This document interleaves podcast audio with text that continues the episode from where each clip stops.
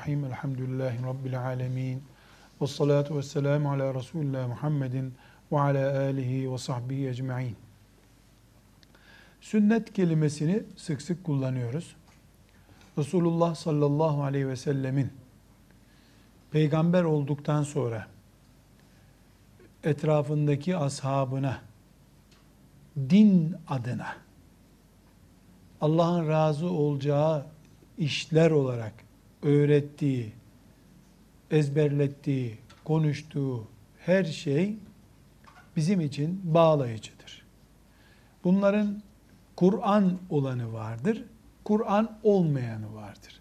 Yani Resulullah sallallahu aleyhi ve sellem Efendimizin bir cumadan öbür cumaya kadar bir haftalık bir kesitini alalım hayatından.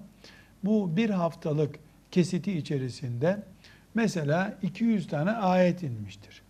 Resulullah sallallahu aleyhi ve sellem yanındakilere bu şu ayettir, buraya yazın, böyle yazın diye vahiy katiplerine bunları yazdırmıştır. Ama 200 ayet bir haftada Resulullah sallallahu aleyhi ve sellemin bir haftasında belki iki saat vakit alacaktır. Bunun dışında Efendimiz sallallahu aleyhi ve sellem konuştu, yedi, yürüdü, tartıştı, kızdı, güldü, uyudu, ibadet etti. Bunları ya bizzat kendisi açıklamalar yaptı. Bu şöyledir, şunu yapın, buraya gitmeyin, şöyle yapın dedi. Yahut da ashab-ı kiram onu dışarıdan izleyip raporladılar. Her halükarda mesela bir haftasını bir cumadan öbür cumaya kadar olan bölümünü incelediğimizde Resulullah sallallahu aleyhi ve sellemin okuduğu Kur'an ayetleri var. Ama o ayetlerden sonra susmadı ki. O ayetlerden sonra eylemler yaptı. Konuşmalar yaptı. Tepkiler gösterdi.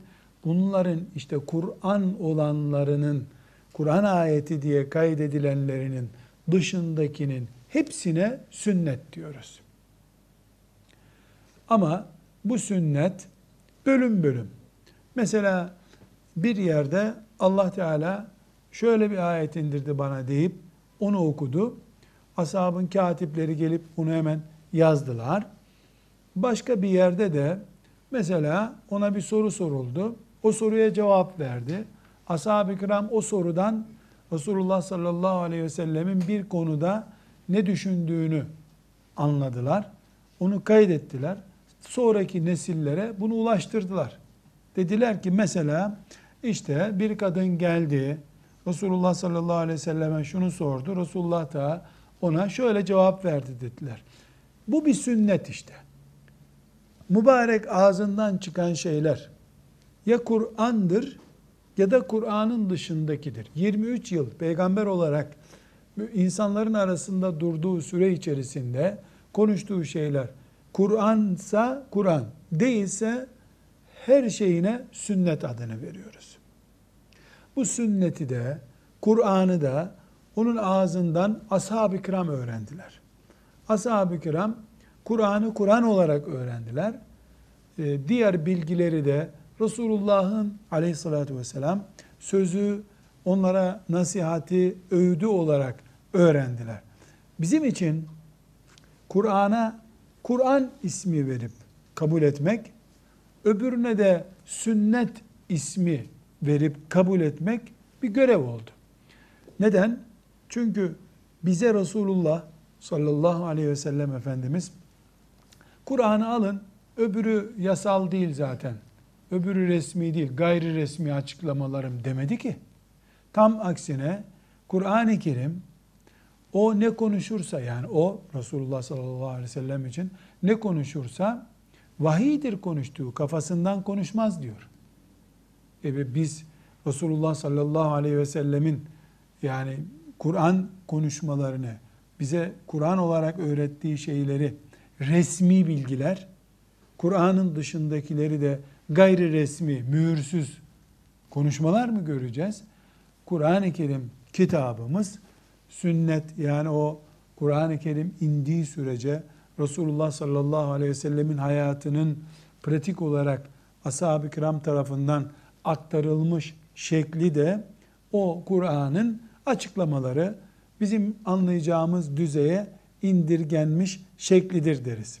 Çünkü Resulullah sallallahu aleyhi ve sellem Efendimiz konuştuğu zaman üç türlü konuşmuş olur.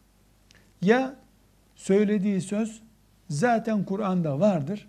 O onu kendi diliyle tekrar söylüyordur. Ne gibi? Yani Kur'an-ı Kerim anneye babaya iyi davranmayı emrediyor. E, Resulullah sallallahu aleyhi ve sellem de annenize babanıza iyi davranın diyor.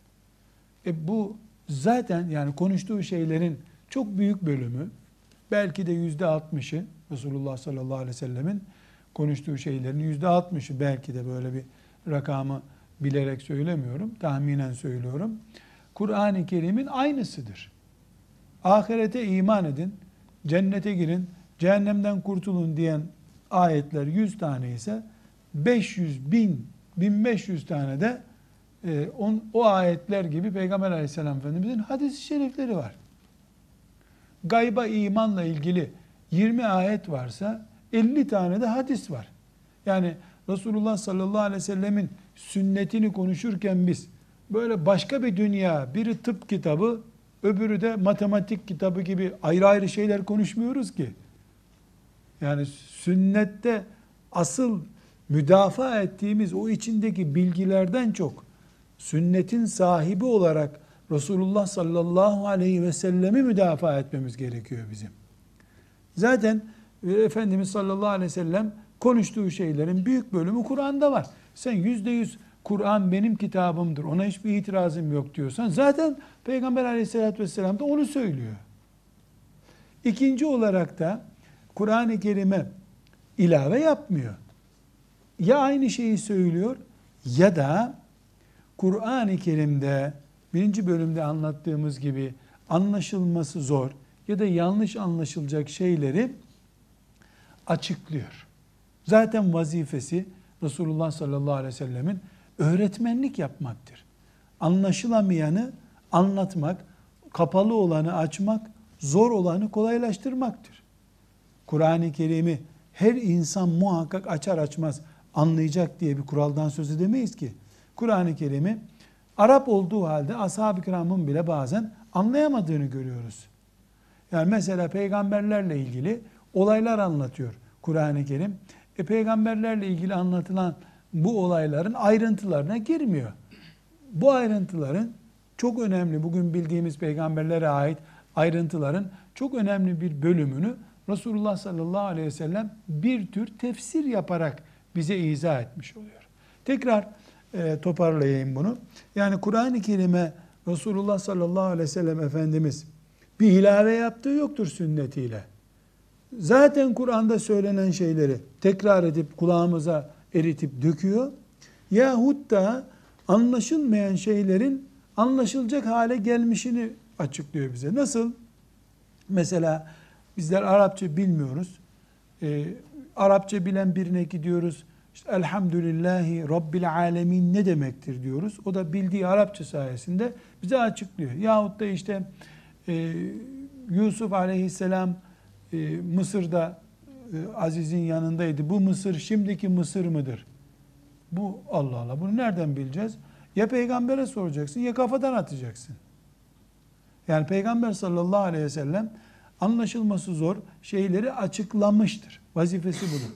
Çok nadiren de nadiren de Resulullah sallallahu aleyhi ve sellem Efendimiz Kur'an-ı Kerim'de geçmeyen konularda zikredip bu böyledir. Bundan sonra böyle yapın diye tembih de etmiştir.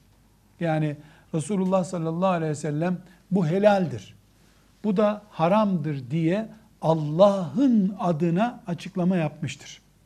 İnsan olarak o da açıklama yani insan olarak o da e, bizim gibi yani biz nasıl bu helaldir, haramdır diye kafadan söyleyemiyoruz. Peygamber aleyhisselam da kafadan söylemiyor zaten. Ama şunu yapmak haramdır. Şunu yaparsanız da artık size helaldir dediği zaman bunu Peygamber sallallahu aleyhi ve sellem Efendimiz e, Abdullah'ın oğlu Muhammed olarak değil Allah'ın Resulü Muhammed olarak yapıyor. Onun iki kimliği var. Bir babası Abdullah'ın oğlu Muhammed o. Bizim gibi bir insan. Bir de Allah'ın kulu ve Resulü Muhammed o. En basit bir misal. Mesela buyuruyor ki size kabir ziyaretini yasaklamıştım. Bildiğimiz kabirleri ziyaret var ya yasaklamıştım. Artık ziyaret edebilirsiniz. izin veriyorum. Neden? İnsanlar kabirlere tapınıyorlardı ilk dönemde. İhtiyati bir tedbir olarak kabir ziyaretlerini yasakladım buyurmuştu. Sonra İslam devlet oldu. İnsanlar şirk nedir, iman nedir öğrendiler. Her şey yerine oturdu. Çok açık bir şekilde yasaklamıştım, izin veriyorum artık buyuruyor. Ziyaret edebilirsiniz diyor. Yasaklamıştım ve izin veriyorum. Yasakladıysa haram yapmıştı demek ki. İzin veriyorum dediğine göre de helal ettim size artık diyor. Demek ki Resulullah sallallahu aleyhi ve sellem Efendimiz yasak koyma, serbest yapma hakkına sahip. Herhalde etkâkum ve ehşâkum en çok Allah'tan korkanınız, Allah'a karşı haşiyeti en yüksek olanınız benim diyor. O kadar Allah'tan korkan birisi. Allah izin vermeden ona, yap demeden, e, yasak, serbest diyebilir mi? Peygamber sallallahu aleyhi ve sellem yetkilerini aşırı bir şekilde kullanacak bir insan mı? Haşa. Haşa. O Resulullah'tır. Sallallahu aleyhi ve sellem. Yani Allah'ın elçisidir. Allah onu ne öğretmek istediyse kullarına onu öğretsin diye gönderdi. Bir miktar yanlış yapacak olsaydı, yani tek bir miktar Kur'an'dan, bu da Kur'an'dan öğreniyoruz. Eğer hafif bir yanlışa kayacak olsaydı, seni yakalardık Allah buyuruyor. Hafif bir yanlışa kayma ihtimali de yok. Resulullah sallallahu aleyhi ve sellemin masum çünkü. Peygamber. Bu sebeple Kur'an-ı Azimuşşan Resulullah sallallahu aleyhi ve sellemin sünnetinden ilave görmemiştir. Kur'an ilave göremez. Eksiltme de görmemiştir. Ama Kur'an'ın üç kere beş kere zikrettiği şeyi yüz kere bin kere zikrederek perçinlenmesini sağlamıştır. Resulullah sallallahu aleyhi ve sellemin sünneti. Veyahut da Kur'an-ı Kerim'de insanların anlamakta zorlandıkları şeyleri ya da toplum olarak zihinlerine, e, aile ortamlarına, ta bahçelerine, iş ortamlarına yerleştiremedikleri değerleri Kur'an-ı Kerim tıpkı yeni namaz kılmak için hazırlanan e, yani yeni namaz kılmaya hazırlanan bir e, insana nasıl mesela gel ben sana öğreteyim diyor yanında tutuyorsun. İşte rükû böyle yapılır, secde böyle yapılır diyorsun. Resulullah sallallahu aleyhi ve sellem de elindeki Kur'an-ı Kerim'le e, ümmetine şöyle kılınır, böyle oruç tutulur, Allah böyle istiyor, cennet böyledir diye açıklamalar yapmıştır. Bu kadar önemli ve bu kadar açık seçik. Resulullah sallallahu aleyhi ve sellemi sünnetiyle beraber Kur'an'dan uzaklaştırdığın zaman bir defa onu getireni atmış oluyorsun. Sünneti atınca da bütün bu yüzlerce kere açıklanmış, yüzlerce kere aydınlanmış meseleyi muallakta bırakıyorsun. Bu da herhalde Kur'an sevgisinden kaynaklanmaz. Kur'an'a saygıdan kaynaklanmaz. Çünkü Resulullah sallallahu aleyhi ve sellem Kur'an'ı getirendir. Kur'an'ın emanetçisidir. O Kur'an-ı Kerim'e eğer destek olmak, açıklamak, Kur'an-ı Kerim'i daha iyi anlaşılmak için bazı açıklamalar yaptıysa bu açıklamaları almak Müslümanın lehinedir. Bile bile bu kadar yararı olduğunu bile bile Müslümanın bundan uzak durması gaflettir eğer hıyanet değilse. Ve sallallahu ve sellem ala seyyidina Muhammed ve ala alihi ve sahbihi ecma'in velhamdülillahi rabbil alemin.